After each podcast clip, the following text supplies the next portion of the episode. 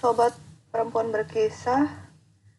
Selamat datang, selamat bergabung di uh, acara ngobrol santai perempuan berkisah malam hari ini. Kita uh, tentang no recruit list ya. Hari ini bersama Kak Popi lagi. Nah, ini dia Kak Popi udah bergabung sama kita di sini. Halo, Kak. Selamat malam. Hai, selamat malam. Hmm, seger ya? Lumayan ya. Oke. Nah, Kak, aku tadi baru pembukaan sama teman-teman. Hmm. Em, jadi aku perkenalkan ulang lagi, Kak Popi adalah bagian dari eh, tim konselor dari perempuan berkisah. Beliau adalah seorang ibu tunggal, seorang janda dan tulang punggung keluarga.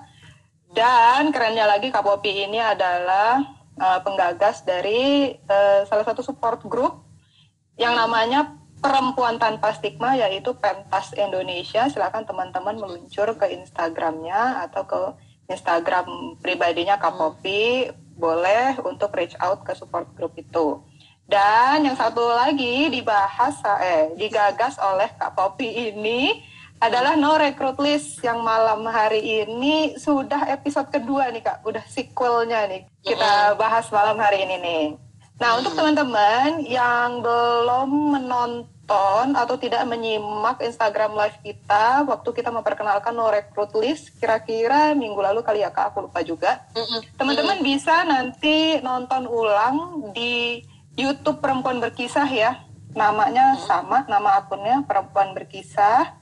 Eh, itu teman-teman bisa cari videonya di situ dengan judul yang sama, No Recruit List ya melawan ke- melawan kekerasan dengan No Recruit List. Nah, eh, Kak, ini sebelum kita lanjutin pembicaraan kita di episode yang kedua ini, mungkin aku kasih review dulu sedikit untuk teman-teman yang belum bergabung, eh belum bergabung, belum nonton kemarin dan eh, belum belum tahu gitu no recruit list itu apa. Jadi aku kasih review dulu ya buat teman-teman ya. boleh, boleh. Jadi no recruit list ini teman-teman yang akan kita bahas pada malam hari ini adalah eh, salah satu untuk eh, formulir atau eh, lapor eh, apa ya laporan atau pengaduan yang bisa teman-teman manfaatkan bila teman-teman mengalami eh, kekerasan dalam bentuk apa pun dan nanti data ini akan diolah oleh Kak Popi dan akan di follow up yaitu caranya dengan Kak Popi akan menghubungi perusahaan terkait di mana yang pelaku yang dilaporkan ini bekerja eh, untuk menginformasikan kepada siapa pun yang ber- berwenang di perusahaan itu bahwa ada seseorang di perusahaan tempat beliau memimpin begitu ya yang melakukan perilaku-perilaku seperti ini begitu Mm. to raise awareness ke perusahaan tersebut bahwa ada yang perlu diperhatikan secara lebih dari salah satu karyawan mereka begitu kak ya Mm. Betul. Nah, di episode yang lalu kita udah bahas tentang latar belakang kenapa no recruit list Hmm. ini bisa uh, sampai muncul, terus gimana Hmm. cara melapor melaporkannya. Nah, hari Hmm. ini kita akan lebih berfokus pada keamanan data nih kak, Mm-mm. karena ini uh, salah satu hal yang aku rasa uh, perlu kita bahas juga karena ini yang sering menjadi penghalang dari korban untuk melaporkan Betul. karena mereka berpikirnya begini, duh kalau gua lapor ntar tahu Semua lah ya orang tahu. si pelaku, Iya. Eh, semua orang tahu Mm. atau pelaku tahu nih kalau gua yang lapor ntar gue diteror balik apa gimana gitu.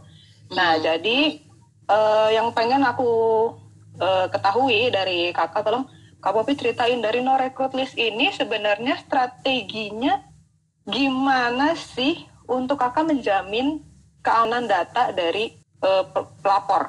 Mm. Silakan Jadi sekarang puji Tuhan kita punya tim sekarang. Jadi aku nggak sendirian lagi Ah. ngerjain untuk no recruit list karena uh, pelaporan yang masuk cukup banyak sehingga aku kewalahan kalau aku sendiri dan uh, sebenarnya untuk lebih membuat teman-teman tenang kalau laporannya di follow up dengan cepat karena aku nggak bisa cepat-cepat. Hmm. khawatirnya teman-teman kok diem aja nggak ada apa-apa lagi gitu kan setelah masukin laporan jadi setelah laporan masuk kita uh, kita membagi kita membaginya sekarang per kasus dulu gitu karena dari segi lokasi pun masih lebih banyak di Jabodetabek, Bandung dan uh, Jogja.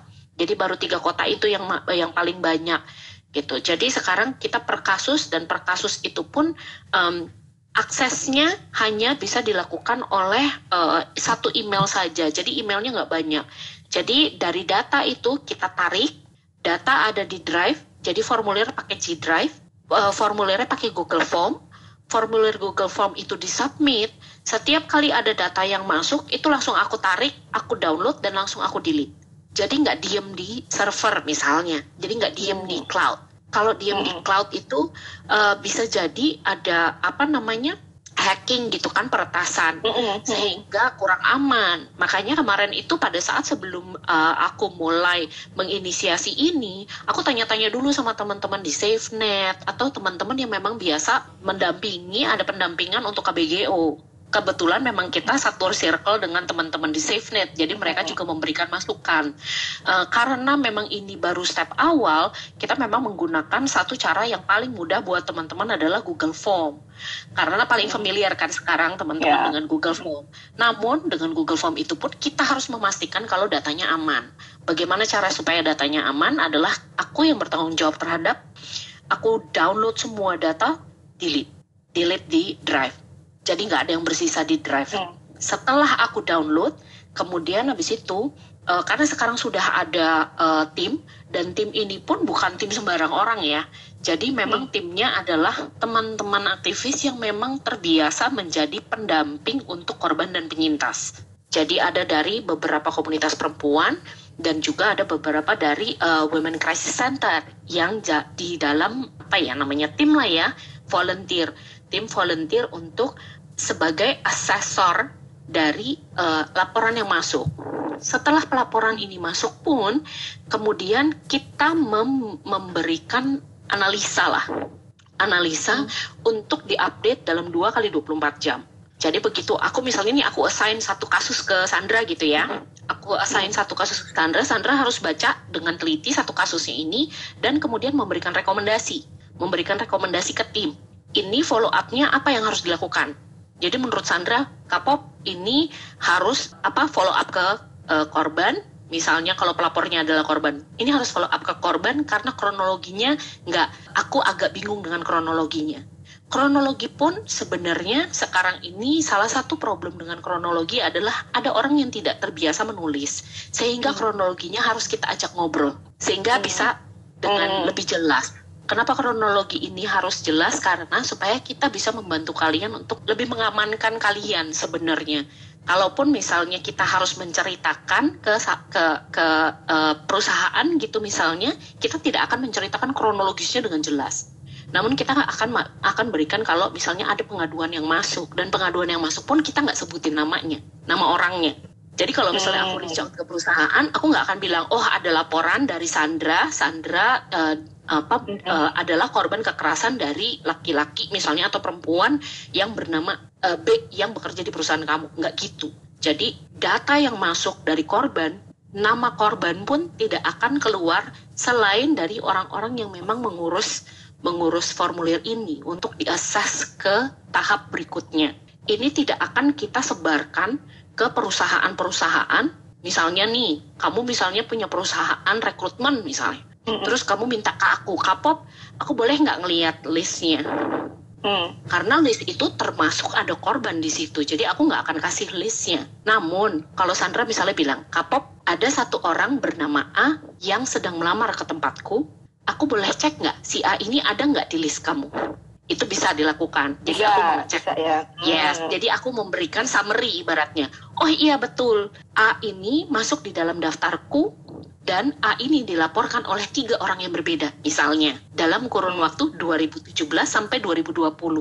Jadi hmm. um, saat ini flow-nya seperti itu yang kita coba lakukan. Kalaupun aku reach out ke perusahaan, reach out ke perusahaan itu pun aku tanya dulu misalnya korbannya Sandra nih aku tanya dulu ke Sandra Sandra aku tahu atau misalnya aku kenal dengan leader dari perusahaan A di mana si B ini bekerja, aku akan reach out ke sana. How do you feel about that? Kalau kamunya merasa, kak ntar dulu deh kak aku belum siap, aku nggak akan reach out. Jadi aku juga membutuhkan Oke. konsen kamu karena ada beberapa kasus yang satu orang yang melaporkan. Mm-mm. Kalau ada dua atau tiga itu biasanya aku reach out ke perusahaannya dan kasih tahu Mm. kalau misalnya yang melaporkan korban dan rata-rata korban itu eh, khawatir kayak kamu tadi bilang khawatir Mm-mm. kalau "Ah, nanti nama gue kesebar nggak ya ke orang-orang Mm-mm. Eh, Mm-mm.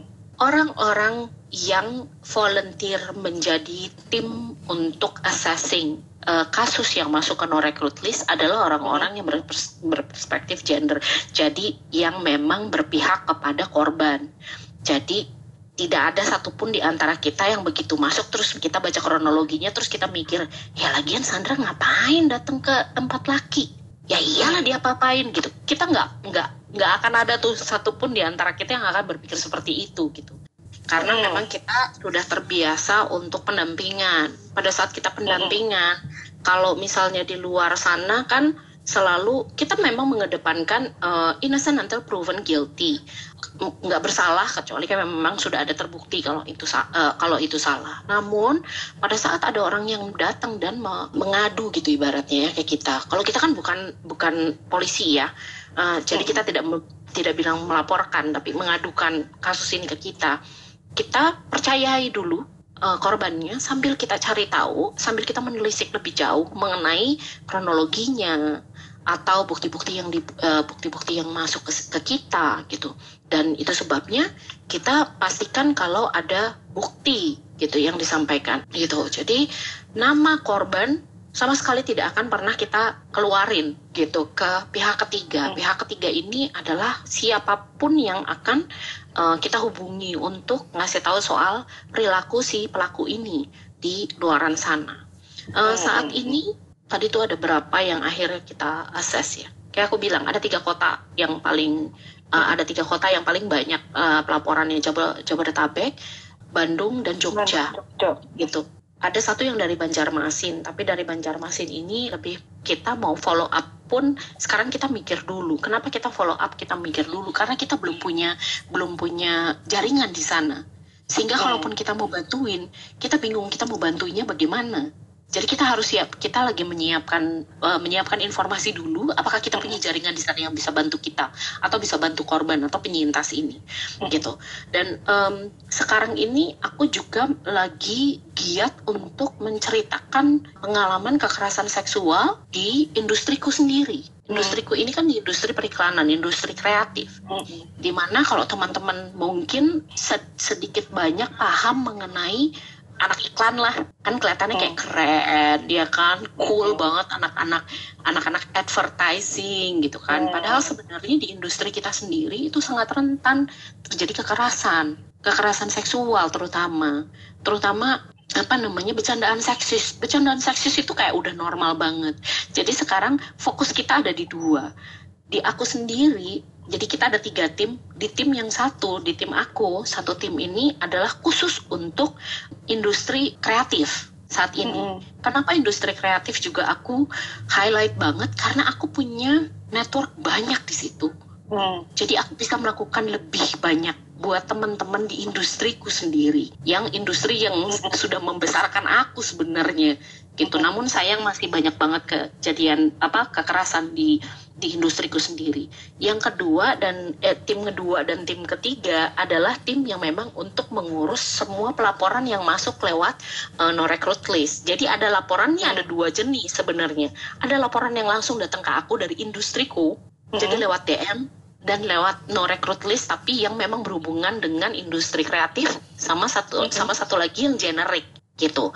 Eh, yang satu lagi lebih fokus ke ke kejadian yang berhubungan dengan komunitas. Itu banyak banget sekarang. kayak. LSM terus komunitas Eh. mahasiswa gitu ya. Ya, Jadi kampus, pokoknya organisasi lah. Kalau misalnya ini belum eh, nyampe di dunia kerja ya ibaratnya gitu. Mhm. Jadi banyak banget banyak banget nggak banget sih eh, jangan sampai banyak banget aku juga sebenarnya aku sampai bilang sama anak-anak sebenarnya nih gue sedih banget loh laporannya banyak karena artinya begitu banyak korban di luar sana Mm-mm. gitu. Namun eh, mudah-mudahan dengan ada no recruit list ini kan menjadi salah satu pilihan buat mereka untuk eh, satu channel lagi lah untuk mereka Hmm. mengadukan. Ada Ya. LBH. Namun pada ada juga beberapa korban yang berpikir kalau LBH itu artinya lo udah harus siap untuk lapor polisi. Sehingga mereka Hmm. takut datang ke LBH. Padahal sebenarnya nggak Hmm. juga.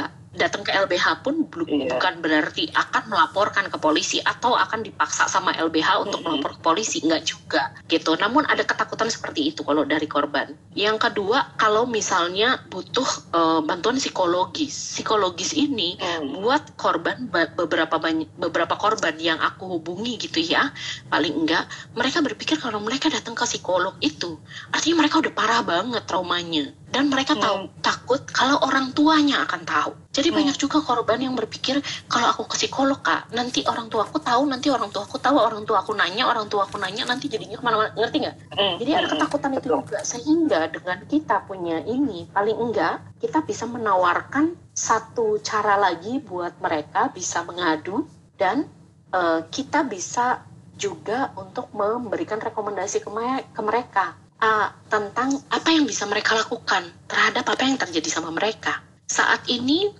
kemarin memang em, formulir ini pun sebenarnya sudah melewati beberapa kali kita adjustment lah. Adjustment Hmm. dalam artian karena kita dapat masukan kan dari teman-teman di eh, komunitas gitu. Teman dan em, teman-teman yang biasa pendampingan gitu. Di formulir kita tuh kemarin kita sem- kita belum masukin apa follow up yang diharapkan dari korban. Itu tuh belum kita tanyain. Padahal sebenarnya kan bisa jadi aku nulis laporan itu supaya aku cuma pengen curhat aja supaya keluar Mm. ada Hmm. juga yang memang aku nggak tahu aku harus ngapain kak berikan aku rekomendasi misalnya Hmm. nah itu tuh kemarin nggak ada jadi kita sekarang Mm. uh, kita perbaiki formulirnya sudah ada sekarang itu di formulir kita yang baru plus uh, sekarang tim juga sedang bergerak untuk follow up untuk bertanya Sandra kamu dengan masukin laporan ini kamu berharapnya apa apakah kamu berharap kami bantu ataukah kamu berharap kami mendengarkan saja dan masukin nama orang ini ke list kami untuk diawasi ataukah apa gitu dari Mm-mm. situ itulah itulah tugasnya si asesor ini untuk mengakses Hmm, oke oke. Kak, ini nanti kita jawab pertanyaan di belakang. Terus aku masih mau tanya soal tim ya, tapi nanti Eh, aku mau tanya dulu tentang ini nih kak. Jadi kalau kakak menyampaikan ke perusahaan itu sejauh mana kakak menceritakan kronologi maupun menggambarkan tentang eh, si korban? Karena gini ya kak, aku tuh bayangin gini, kalau misalkan aku yang punya perusahaan ya, terus kakak Hmm. hubungin aku dan menyampaikan tentang no recruit list ini tentang salah satu dari karyawan aku, aku sih mikirnya gini, aku pengen pertama aku pasti pengen tahu kakak ini siapa, Hmm. aku pengen tahu niatannya sebenarnya apa, apakah kakak ada hubungan dengan si korban, ya kan, dan Hmm. apakah seluruh kejadian ini nih benar-benar ada hubungannya nih sama sama perusahaan aku nih, jangan-jangan ini cuma urusan pribadi doang, tapi ntar kantor gue yang dibawa-bawa.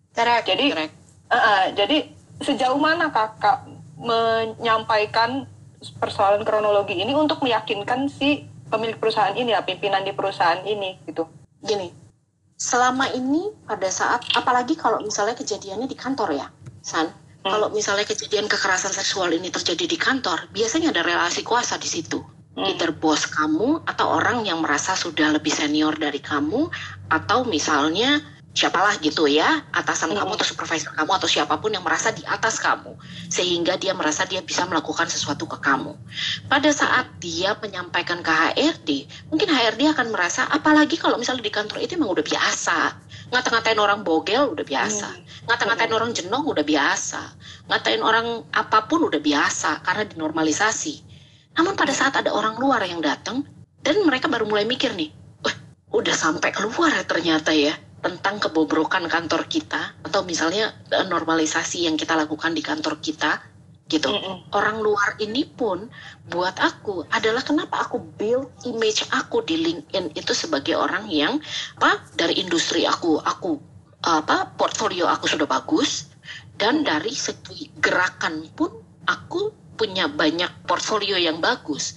Sehingga pada saat mereka melihat profilku, mereka akan percaya, oke, okay, dia tidak bermaksud buruk ke kita, tapi dia hanya menyampaikan sesuatu karena dia adalah seorang yang uh, concern terhadap isu-isu perempuan. Terlihat dari postingan-postinganku yang konsisten, gitu. Karena postinganku konsisten, lalu mereka melihatkan siapa sih Poppy? Googling misalnya mereka. Pada saat mereka googling pun mereka tidak akan menemukan hal yang buruk tentang aku, sehingga mereka yang oh oke, okay, let's listen to her mari kita dengarkan dulu dia apa pada saat aku me, um, pada saat aku reach out ke perusahaan pun aku nggak langsung bilang Hai Sandra lo tahu nggak ada si A di perusahaan lo tuh yang merkosa perempuan? misalnya. Bukan seperti itu. Namun aku akan sampaikan Hai Sandra saya Poppy. Saya dari uh, saya adalah penggagas dari no recruit list. No recruit list ini adalah ini itu ini itu ini itu. Gitu. Kebetulan salah satu yang diadukan ke no recruit list adalah uh, ter, tertulis sebagai karyawan di perusahaan Ibu Sandra kalau dilihat dari profilnya di LinkedIn. Apakah saya bisa menjelaskan lebih lanjut ke Ibu Sandra sebelum apa apa uh, mengenai hal ini? Atau ke siapa pun yang menurut Ibu Sandra harus saya ajak bicara? Nggak ada yang menolak san. Serius.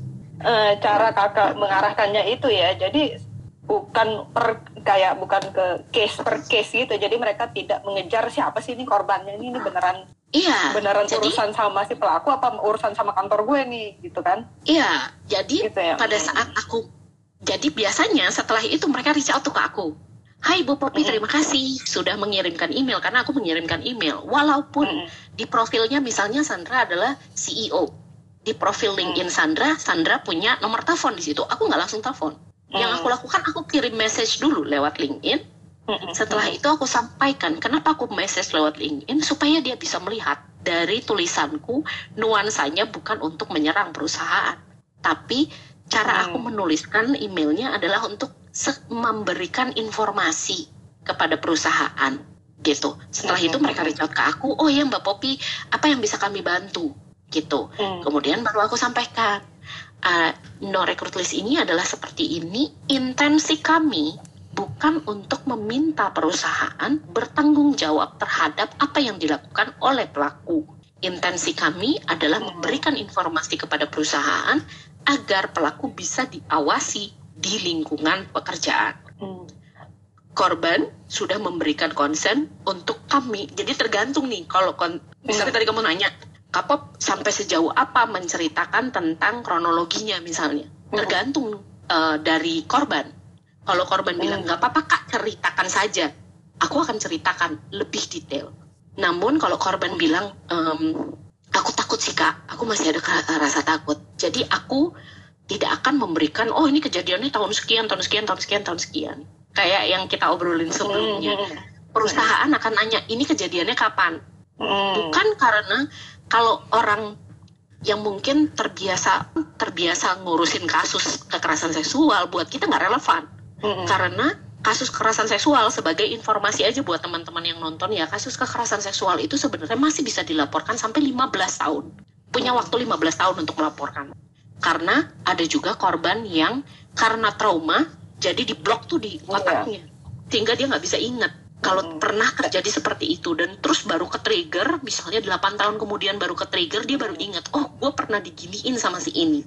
Masih bisa dilaporkan selama masih ada buktinya misalnya gitu jadi selama 15 tahun tuh sebenarnya makanya buat kita nggak relevan uh, hmm. satu dari segi hukum masih bisa dilaporkan dalam waktu 15 tahun yang kedua dari segi trauma, traumanya bisa seumur hidup, betul? Oh, oh. Kalau korban kekerasan seksual sehingga tidak relevan buat kita. Namun buat perusahaan sangat relevan. Kenapa? Apakah pelaku bekerja di perusahaan itu pada saat dia melakukan kekerasan? Hmm. Jadi perusahaan bisa uh, eskalasi nih, misalnya hmm. awalnya mungkin mereka kepikiran, oke okay, gue awasin aja nih, gue liatin perilakunya dia terhadap uh, teman sekerjanya Mm. Tapi begitu mereka tahu, oh ini kejadiannya pas dia bekerja di sini, saat dia bekerja di sini, sehingga mereka khawatir kan, mereka agak was-was sedikit, di mana jangan-jangan kalau misalnya nanti ini dilaporkan, mereka keseret nih, mm. karena orang ini pada saat melakukan kekerasan seksual dia bekerja di perusahaan itu, mm. gitu. Jadi make sense buat mm. buat buatku make sense pertanyaan mereka ini terjadinya kapan Namun aku jelaskan ke mereka kalau untuk kekerasan seksual sebenarnya uh, tidak relevan untuk ditanya ini kejadiannya kapan. Namun kami bisa pastikan, saya bisa pastikan kalau misalnya dia bekerja tahun 2017 sampai 2020 misalnya nih ya, dia bekerja di perusahaan itu dari 2017 sampai sampai sekarang. Ini terjadinya pada saat dia masih bekerja di perusahaan kamu. Atau ini terjadinya sebelum dia bekerja di perusahaan kamu. Gitu. Jadi paling tidak dari perusahaan paham nih, oh dia menjadi pelaku kekerasan itu uh, bahkan jauh sebelum dia bekerja di perusahaan kita gitu dan di perusahaan kita pada saat di perusahaan kita ada korban lagi yang baru berarti ini misalnya habitual offender it's a repeat hmm. offender misalnya gitu hmm. jadi dari uh, lebih banyak dari frame waktu ya yang kakak sampaikan ke perusahaan dan jenisnya ya? dan jenisnya oh ya jadi kita sampaikan jadi ya jadi kita sampaikan ke perusahaannya uh, dia melakukan pemerkosaan misalnya dia melakukan hmm. intimidasi seksual atau dia melakukan apa soal KBG kekerasan berbasis gender online melakukan ancaman hmm. misalnya untuk menyebarkan konten intim kayak gitu-gitu hmm. memang nggak ada hubungannya sama kantor kejadiannya ke pacarnya namun hmm. kan bisa saja itu terjadi juga di uh, apa namanya di lingkungan kantor gitu karena hmm. dia merasa dia sudah cukup nyaman gitu ya kan melakukan yeah. kejahatan itu di luar kemudian dia berpikir kejahatan-kejahatan kecil yang orang anggap remeh seperti hmm. menyentuh sentuhan yang tidak diinginkan gitu tiba-tiba nyolek hmm. pipi aja gitu itu kan juga uh, sebuah pelecehan gitu itu bisa jadi hmm. dia lakukan juga nah yang menarik adalah satu kasus yang baru aku uh, temui hari ini yang sampai bikin aku nggak enak badan nih gitu Kasus ini dilaporkan oleh dua orang yang berbeda dari dua organisasi yang berbeda untuk satu orang yang sama. Hmm. Satu orang yang sama ini sebelumnya di organisasi sebelumnya sudah diminta untuk keluar karena kasus kekerasan seksual. Hmm. Namun dia masih bisa bekerja di organisasi yang satu lagi yang mirip-mirip dengan organisasi yang pertama dan juga kena dipecat karena kekerasan seksual. Kemudian dia pergi lagi ke organisasi yang lain lagi dan sekarang masih bekerja di organisasi itu. Kebayang nggak seperti apa bisa jadi kekerasan seksual terjadi lagi nggak tuh di, di organisasi yang ketiga? Hmm. Sama loh ini organisasinya, misalnya ini industrinya kayak industri periklanan lah. Di agensi yang A dia disuruh keluar karena dia melakukan uh, kekerasan seksual sama teman kerjanya. Di organisasi yang kedua, uh, eh, organisasi yang pertama malah lebih parah. Uh, menurut uh, menurut aduan yang masuk ke kita dia melakukan perkosaan. Di organisasi yang kedua dia melakukan percobaan perkosaan. Kebayang nggak? Dia bekerja hmm. lagi di organisasi yang modelnya kayak gitu hmm. juga. Nah itu yang kita coba untuk lakukan dengan no recruit list ini dengan memberikan informasi ke perusahaan yang sekarang. Halo dia pernah dipecat karena memerkosa orang dia pernah diminta untuk keluar karena percobaan perkosaan dan pelecehan seksual kalau di di di uh, apa di organisasi yang ketiga ini dia tidak diawasi juga bisa jadi dia melakukan hal yang sama atau lebih parah. Dan yang yang uh, ini kekerasan seksual ini dilakukan ke anak-anak intern yang mm. merasa mereka tidak punya kuasa untuk ngomong ke HRD atau ke manajemen karena mereka berpikir nanti orang mereka akan lebih percaya mas itu nggak dibanding aku Aku kan cuma anak kemarin sore yang kerja aja baru di tempat ini. Kalau aku jadi susah nyari kerja bagaimana? Hmm. Kan ketakutan itu banyak, San. Iya, ketakutan tuh. Kuasa. Iya, nanti gue nggak dapat hmm. kerja lagi. Nanti gue hmm. diomongin sama si bos itu. Gitu loh. Jadi hmm. itu yang berusaha kita hentikan. Itu yang berusaha kita batasi paling enggak kita bikin kita bukannya matiin rezeki orang ya tapi paling tidak kita membuat perusahaan uh, tergerak untuk bergerak kalau aku menyebutnya. Hmm. paling tidak kita membuat mereka tergerak nih untuk melakukan sesuatu. Sesuatunya apa? Mengawasi paling tidak. Minimal ya. Ya dan pada saat misalnya mereka mengawasi dan mereka baru nggak oh iya juga ya. Ternyata anak ini gampang banget nyolek-nyolek perempuan. Hmm.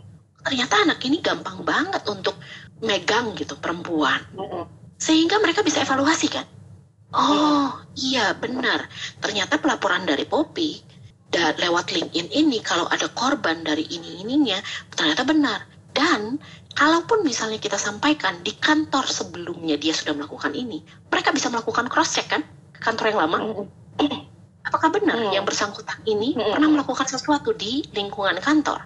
Jika ya, mereka punya hak untuk memecat lo. Tapi itu bukan kita rekomendasinya. Jadi kita hanya memberikan informasi di kantor sebelumnya, di kantor A dia melakukan ini, di kantor B dia melakukan ini. Rekomendasi kita adalah lakukan pengecekan ke kantor ini. Hmm. Karena kantor ini seharusnya memberikan informasi itu di HRD. Karena eh, kalau misalnya kita di aku gitu ya paling enggak ya. Kalau misalnya aku mau masuk ke agensi A, biasanya udah teleponan tuh orang HRD-nya sama orang Iya. HRD aku yang sebelumnya. Eh lo tau Poppy nggak? Ya, gimana dia? Kalaupun misalnya dia nggak nanya ke HRD, dia biasanya nanya ke anak-anak agensi yang juga pernah kerja di situ. Iya. Background check lah. Menurut lu gimana Poppy? Ini gimana? Oke nggak? Ini nggak? Ini nggak? Ini nggak gitu. It's informal checking. Namun kalau Hmm. kasusnya seperti ini kan sebenarnya bisa formal checking. Karena ada basis pelaporan ini dari seseorang, Hmm. Kami melakukan pengecekan untuk memang sudah terlambat ya maksudnya dia udah kerja di situ. Namun lebih baik dilakukan daripada nanti mereka harus labakan ngurusin ada lagi gitu korbannya. Kan lebih pusing buat perusahaan ya. Hmm. kalau aku sih nggak pengen gitu di, di perusahaanku yang ah gila ribet banget ngurusin. Ada Hmm. satu orang yang kayak begini gue cuma ngurusin satu Hmm. orang ini doang dan kantor kita bisa kena kebakaran gitu cuma gara-gara satu orang brengsek ini gitu. Dan kenapa juga kita apa namanya kita masuk ke sini karena kita mau membatasi si relasi kuasa itu san. Coba bayangkan sekarang di advertising aja di advertising. Sama-sama karyawan nih ya. Sama-sama karyawan. Levelnya sama itu aja udah bisa lo uh, melecehkan. Kebayang nggak kalau Hmm. mereka naik level? Hmm. kalau mereka jadi level manager kalau mereka jadi level director kalau aku yang udah di level director gue bisa skut-skutin tuh anak-anak itu tapi kan kalau level-level yang masih entry level berani Iya, nggak ngomong betul. seperti aku nggak mungkin berani Iya, Percaya deh. gitu. Hmm. Iya, pasti mereka akan berpikir gila. Nanti semua orang anggap gue nggak asik. Semua orang Hmm. anggap gue nggak bisa bergaul, nggak bisa masuk ke tim.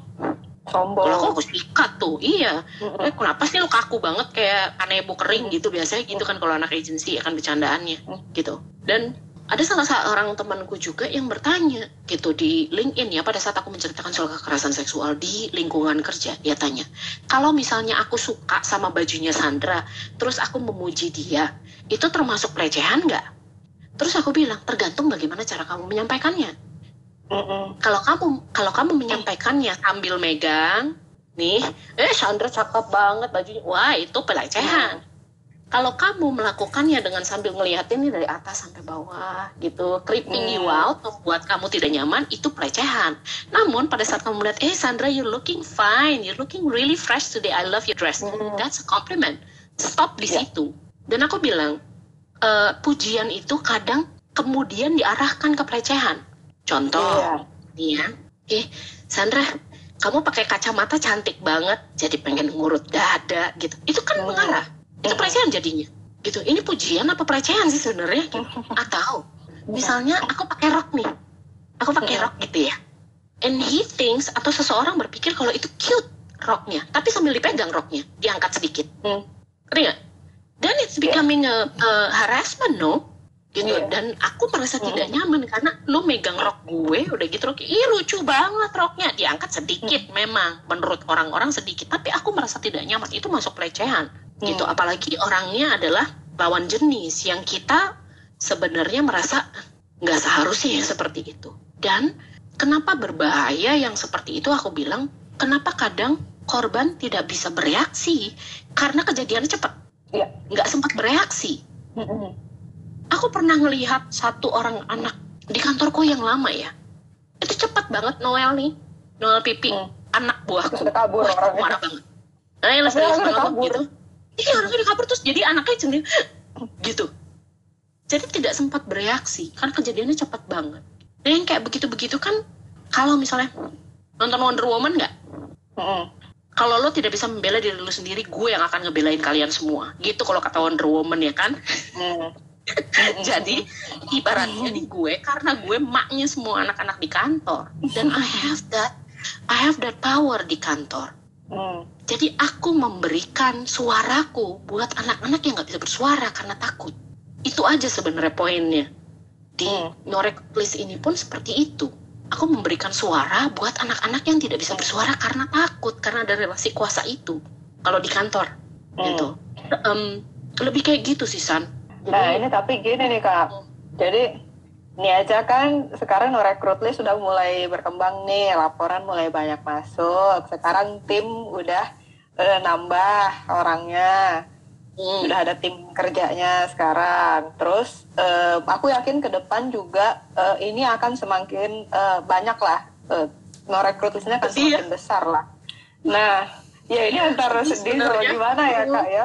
hmm, Tapi eh, aku bayangkan gini kak, Eh, nanti no recruit list ini akan gimana ya? Jadi kakak akan makin eh, dikenal, diasosiasikan dengan no recruit list Hmm, ini, termasuk teman-teman yang ada di tim. Kalau memang nanti diperkenalkan ya ke Hmm. publik ya. hmm, Gimana strategi kakak untuk melindungi diri hmm. dari orang-orang yang gue kayaknya kok makin diliatin ya sama perusahaan gue ini apa apa gara-gara eh, no recruit list ini gini ada yang ngelaporin gue nih kayaknya kok perusahaan terus terang saya takut disantet Sandra nah itu dia. Nah itu dia.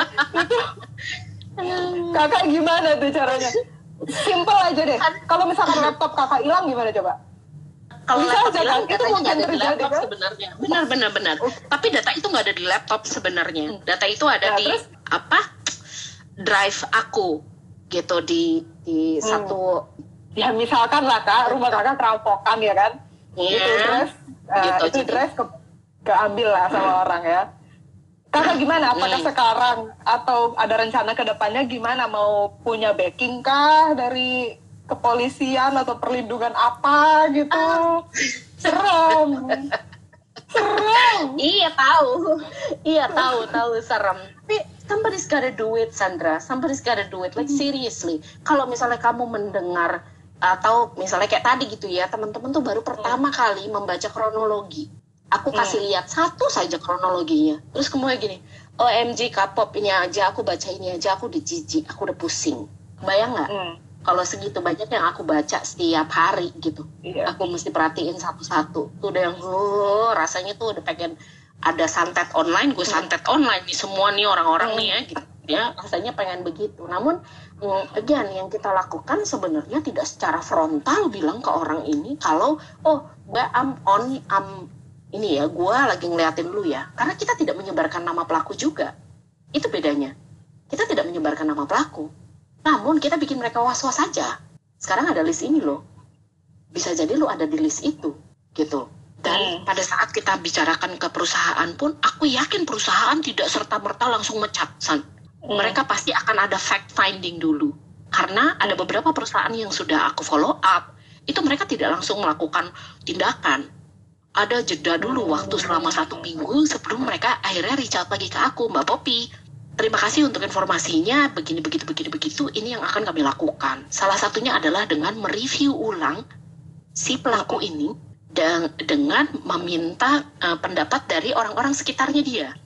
Hmm, yang bekerja di kantor itu dan mereka melakukannya udah pasti diskret nggak mungkin mereka melakukannya kayak di langsung dia eh, secara eh, apa ya secara langsung gitu ya langsung menargetkan Sandra gitu misalnya me- menargetkan kamu karena itu juga akan bisa berbalik ke mereka kan ke perusahaan kalau mereka di- Hmm. eh, dianggap Hmm. memperlakukan seorang karyawan dengan cara yang diskriminatif ngerti nggak jadi kita mainnya juga Hmm. cantik kita bukan main yang sekonyong-konyong kita sikat gitu nah ini bedanya dengan dengan kalau ada yang eh, spilling the tea di Twitter. Ya misalnya udah emosi nih gue nih ya ponakan gue dilecehin gue emosi gue tulis tuh di Twitter pakai eh, akun alter gitu ya. Nih Hmm. brengsek nih si ini bla bla bla bla bla bla. dia kerja nih di di perusahaan A. Dan bla bla bla bla bla. Bla. itu bisa dirunut tuh sama pelakunya. Wah nih kayaknya ngelaporin gue Sandra nih. Hmm, Poppy nih ini nih ini nih. Itu bisa diteror korbannya. Tapi kalau ini kan enggak dia tahunya dari mana yang laporin siapa. Iya iya iya iya. Jadi sebenarnya ada lapisannya ada lapisan pelindung juga Hmm. kita itu kalaupun pada akhirnya dia tahu aku yang melaporkan what, what are you gonna do? Black magic kan uh, kecuali black magic ya aku percaya sama Tuhan yang Maha Esa gitu ya. Tapi kalau misalnya he wants to do something to me gitu when it comes to my reputation aku cuma mau bilang come at me bro. Come at me. Masih cuma gitu doang. Sini. Karena Ini secara semua. hukum tidak ada juga hal yang eh, salah yang kakak lakukan ya, bersih Correct. secara hukum ya. Hmm, kalau dia berani macam-macam, Karena- justru dia, hello, kamu yang melakukan hal yang salah. apa? Gitu. Aku akan bilang uh, aku bisa aku bisa lakukan hal yang sama seperti para pelaku kekerasan seksual. Pada saat Hmm. ada yang bilang kalau mereka pelaku kekerasan seksual. Apa coba? Mana buktinya Mm-mm. right? We give them a taste of their own medicine Sandra. Yes, yes, sekarang yes, yes. buat lu rasain sendiri tuh obat lo yang kemarin lo bilang kan. Katanya aku melecehkan Sandra. Mana buktinya mana buktinya mana buktinya? Terus dia ngomong juga ke orang-orang ini akibat Poppy di Harjo nih ya. Gini gitu gini gitu. Aku cuma tinggal bilang mana buktinya? Mana mana gitu ya kan so Oke. in a way kita balas kan gitu tapi kita balasnya dengan Iya, iya. gracefully gitu Yeah. kalau menurut aku ya gitu. Keren, keren, keren, keren. Oke, Kak, waktu kita udah mau habis. Ini ada satu pertanyaan nih dari Rizky Dian. Ada nggak sih tempat laporan untuk kita, misal kita mengalami pelecehan seksual, tapi pelaku adalah public figure. Nah ini karena kita lagi ngomongin no recruit list, eh, aku langsung ngarahin ke no recruit list aja ya. Bisa nggak sih eh, Hmm. melaporkan pel- pelaku Oh, pelecehan seksual bisa. ya public public figure? Bisa Tentu tuh Rizky bisa. Dian. Kenapa Bisa nih Riz- list. Rizky Dian tahu nggak? Paling gampang itu kalau pelaku public figure adalah karena kami kan di industri kreatif. Kami Hmm. menggunakan public figure itu di pekerjaan-pekerjaan kami. Kamu tahu nggak? Kalau misal kita bikin iklan nih ya, kita kasih tahu deh tuh nih talentnya siapa aja. Public figure A, public figure B, public figure C, public figure D. Kemudian klien nanya nih ke kita, eh aku mau tuh public figure yang ini. Aku dia Hmm. yang jawab, jangan. Dia punya kasus pelecehan seksual loh. Nanti jelek buat brand kamu. Hmm. Stop deh, gitu. Tapi Hmm. public figure-nya tahu nggak kalau aku yang bilang jangan? Enggak. Hmm. Oke, Jadi Rizky gitu. Jadi Namun- langsung ya, meluncur ya ke akunnya Kak namun- Poppy. Ada di bio tuh. Iya, namun, namun harus paham dulu apa yang kamu mau, dek, pada saat kamu melaporkan ini. Apakah kamu mau melaporkan ke pihak berwajib? Apakah kamu mau konsul? Misalnya, aku pengen konsultasi saja, Kak, ke LBH misalnya, bisa. Eh, kamu harus paham dulu apa yang kamu mau. Kadang Hmm. karena kita merasa dia public figure, kita merasa nih, biar semua orang tahu kalau dia kayak begini. Hmm. Namun caranya salah sehingga backlash yang ke kamu. Apalagi public figure yang punya uh, fans yang jutaan, betul. Hmm. Itu ngeri banget loh. Kamu bisa disikat tuh sama fansnya, jadi perlu hati-hati. Kalau melaporkan ke uh, saranku, kalau mau melaporkan, laporkanlah ke orang-orang yang memang perspektifnya adalah kita uh, pro ke korban. Bukan ke orang-orang yang emang wah nih emang akun gosip gitu misalnya. Kita kasih nih ke akun gosip ceger sama akun gosip di blow up gitu Hmm. misalnya. Wah lumayan nih menarik nih kita naikin naikin. Wah selesai. Kamu bakalan Hmm. kena tuh teror tuh mau gimana caranya. Jadi Hmm. eh, pastikan kalau kamu paham eh, apa yang kamu harapkan plus kamu pikirkan juga kalau kita kita memikirkan keamanan kamu deh keamanan kamu sebagai nama kamu paling enggak ya identitas kamu. Kalau misalnya ke tempat yang belum kamu belum tahu siapa gitu atau bagaimana cara mereka berpikir bahkan ke teman sendiri. Kadang itu suka bocor loh. Hmm. kadang gergetan nih gue gergetan nih. Wah Sandra dilecehkan gitu sama artis A gitu. Misalnya gue Hmm. gergetan sendiri terus gue yang posting Padahal terus ada dulu, ya apa enggak. Kak Popi iya ya Kak Popi aku gak mau ngomong gitu ya tapi kan lu nggak gue tulis nama lu di situ Sandra iya tapi kan dia tahu gitu misalnya sehingga jadinya nggak aman buat korban gitu nanti kamu DM ke aku aja kalau misalnya kamu mau tahu bagaimananya ya dek gitu Tuh, Rizky Dian ya. Oke. Kak, em, pertanyaan terakhir. Ini ada titipan pertanyaan juga dari teman aku ya. Eh, untuk recruit list dari Kak Poppy atau dari tim, itu rencana ke depannya, big plan-nya eh, apa? Apakah akan cuma sampai emang hanya raise awareness ke perusahaan aja? Atau eh, ada rencana-rencana lain nih? Karena dari teman-teman aku berharapnya ya kasih edukasi dong ke HRD HRD perusahaan tuh yang Betul. kalau kita lapor tuh ini kayak SOP-nya seperti apa betul betul Karena betul jadi Istilahnya kalau teman mereka tuh kan kayak kita lapor tuh kayak gimana ya gitulah kayak waktu sebelum ini kakak ceritain itu kan. Hmm, bilangnya kan kayak ah, lebay aja itu kan cuma bercanda kalian akur-akur lah rukun-rukun lah gitu. Hmm, hmm, hmm. kayaknya HRD ini butuh edukasi khusus gitu loh. Jadi niat pertamaku adalah menjadikan kantorku sebagai contoh. Kantorku adalah kantor agensi, kantor agensi multinasional kebetulan. Jadi aku udah ngomong ke leaderku kalau aku mau menjadikan kantor kita sebagai contoh, contoh bersihnya kita dari kekerasan seksual, bahkan sampai joke seksis. Dari situ kan udah ada komitmen nih dari satu perusahaan. Kemudian aku sudah pernah juga mengedukasi ke satu perusahaan agensi lokal Hmm. menceritakan ke mereka apa itu kekerasan seksual, apa itu eh, bercandaan seksis yang bisa berakibat orang sakit hati, bisa suicidal, bisa homicidal. Bener-bener yang gue bisa pengen bunuh lu Sandra cuma karena lu ngatain gue gendut misalnya. Hmm. Gitu dan itu kan emotional state of a person kan kalau misalnya terus-terusan digesek terus lama-lama kan panas. Dikatain mulu panas dong gitu. Jadi step sekarang pun baby step sudah mulai kita lakukan. Jadi aku sudah mulai menceritakan ke teman-teman agensi dari dari industri yang paling gampang dulu aku ini deh kuasai industri kreatif. Dari agensi-agensi pun sekarang aku udah mulai ngomong ini. Aku tiap kali aku posting di LinkedIn, aku tag leadersnya. Hmm. Sampai pusing kan tuh mereka dan aku bilang, mudah-mudahan nggak apa-apa, lu tidak berkomentar atau lu tidak bereaksi tidak apa-apa. Tapi lu terpapar terus nih sama postingan gue. Lama-lama kan tergerak tuh. Lama-lama kepikiran Lama-lama tergerak kan, lama-lama kepikiran, kampret ya Poppy ngetek gue Ngapain sih dia orang? brengsek banget gitu. Habis itu biasanya nge-WhatsApp tuh. Ini barusan ada yang nge-WhatsApp juga. Hmm. Itu apaan sih, Neng? gitu. Hmm. Itu apaan sih, Neng? Jelasin gitu. Ada satu juga yang ngasih tahu, "Eh, ini keren loh postingan lo." gitu tentang si apa? tentang kekerasan seksual di eh, agency. Keren loh postingan lo. Terus ada juga anak agensi yang kemudian, "Kak, aku mau cerita." Langsung tuh cerita. Lalu lu lalu lu gitu kan. Eh, dan aku biasanya sekarang ini yang aku lakukan sebenarnya bukan melindungi diriku dari santet dan kekerasan dari orang-orang ini Sandra tapi melindungi diriku dari shielding dari all that feelings yang dituangkan dalam bentuk cerita. Secondary Karena, trauma kan ya. Correct. Jadi aku ngebacanya aja udah yang ah lemas banget ngebaca. Ada yang dilecehkan seperti ini ada yang perkosa seperti ini ada yang seperti ini ada yang seperti ini.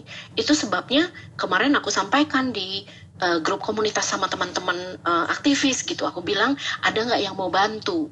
Karena kalau aku sendiri aku rasanya tidak sanggup. Bukan tidak sanggup dalam artian eh, tidak bisa mengerjakan dengan baik. Namun pada saat membaca cerita itu kan emosi ikut diaduk-aduk tuh. Hmm. dan itu yang kadang bikin drop tuh. Bikin yang aduh Hmm. gue nggak bisa kerja nih? Gue kepikiran banget gitu. Gitu. Semalam aja semalam aja tuh aku sampai nggak bisa tidur gara-gara membaca Hmm. satu cerita itu. Kronologinya lengkap banget. Kronologinya lengkap banget pun itu aku yakin itu nggak sehari dia bikin nih Hmm. pasti dia lama tuh bikin kronologi kayak begitu. Jadi itu buat no recruit list ini mudah-mudahan nantinya kita bikin untuk mempermudah em, HRD untuk ngecek untuk background check. Jadi Hmm. bisa jadi nanti bentuknya aplikasi. Pengennya nih cita-citanya nih ya ke depannya. Ya bentuknya Ah, aplikasi. ya, boleh lah. jadi iya jadi bentuknya aplikasi. Lu cuma tinggal masukin nih Poppy di Harjo. Oh tidak ditemukan. Berarti gue nggak ada di list pelaku kekerasan seksual. Hmm. tapi begitu gue tulis namanya Abidin apa? Gitu misalnya. Nongol nih. Hmm. dan kekerasan seksualnya apa perkosaan. Hmm. misalnya. Nah kelar deh tuh lo kalau misalnya lo ada di situ gitu dan dan uh, misalnya dia bilang wah ini apa namanya ini uh, fitnah atau ini difamasi apalah segala macam. Ya, terserah gitu. Baik ada Hmm. yang lapor ke situ itu automatically masuk ke situ. Dan semua pelaporan kita pun di assess dulu kan. Jadi Mm-mm. setelah kita assess kita tanyakan lagi ke korban apa yang bisa mereka apa yang mereka harapkan kalau bisa kita laporkan semua ke eh, apa namanya ke pihak berwajib gitu. Namun kan tergantung korbannya san. Ya you know lah. Harus korban yang memutuskan mau melapor. Kalau tidak kita nggak bisa apa-apa. Karena kita nangis ya kan. Dia nggak mau lapor, kita mau sedih banget gitu. Keseringan gitu ya kan. Iya, iya. Oke, kira-kira gitu teman-teman. Kak Popi thank you banget sharingnya. Kita terbatas waktu lagi. Misalkan teman-teman masih ada yang mau bertanya, silakan langsung DM ke Perempuan Berkisah atau ke Kak Popi. Nanti akan dijawab eh, langsung oleh Kak Popi atau lewat postingan. Kira-kira begitu teman-teman. Terima kasih atas antusiasmenya Kak Popi. Thank you atas infonya. Terima kasih juga yakin- sudah sudah bikin Ya. part 2. Yes, aku yakin no rekrut list ini akan besar suatu hari nanti. Amin, tapi amin, amin. eh, teman-teman mohon sabar, semuanya tetap Hmm. tenang. Ini adalah proses maraton, bukan sprint. Kita butuh energi sangat besar. Kita harus kerja sama-sama dengan strategi yang Hmm. cantik, eh, kerja eh, cerdas gitu ya, supaya ini benar-benar eh, lurus eksekusinya itu nanti benar-benar Iya, istimewa iya. luar biasa gitu, bukan Iya, asal-asalan karena terus. ya karena kita kerjanya bukan individu, kita kerjanya kolektif. Pada saat kita kolektif Yes. kan suaranya jadi lebih besar. Gitu aja. Nah, gitu ya teman-teman, kita tetap semangat semuanya. Kak Popi, thank you. Semoga Sama-sama. kita semua tetap strong ya. Aku akhiri ya. Oke, thank you Kak Popi. Oke, Selamat malam. Dah.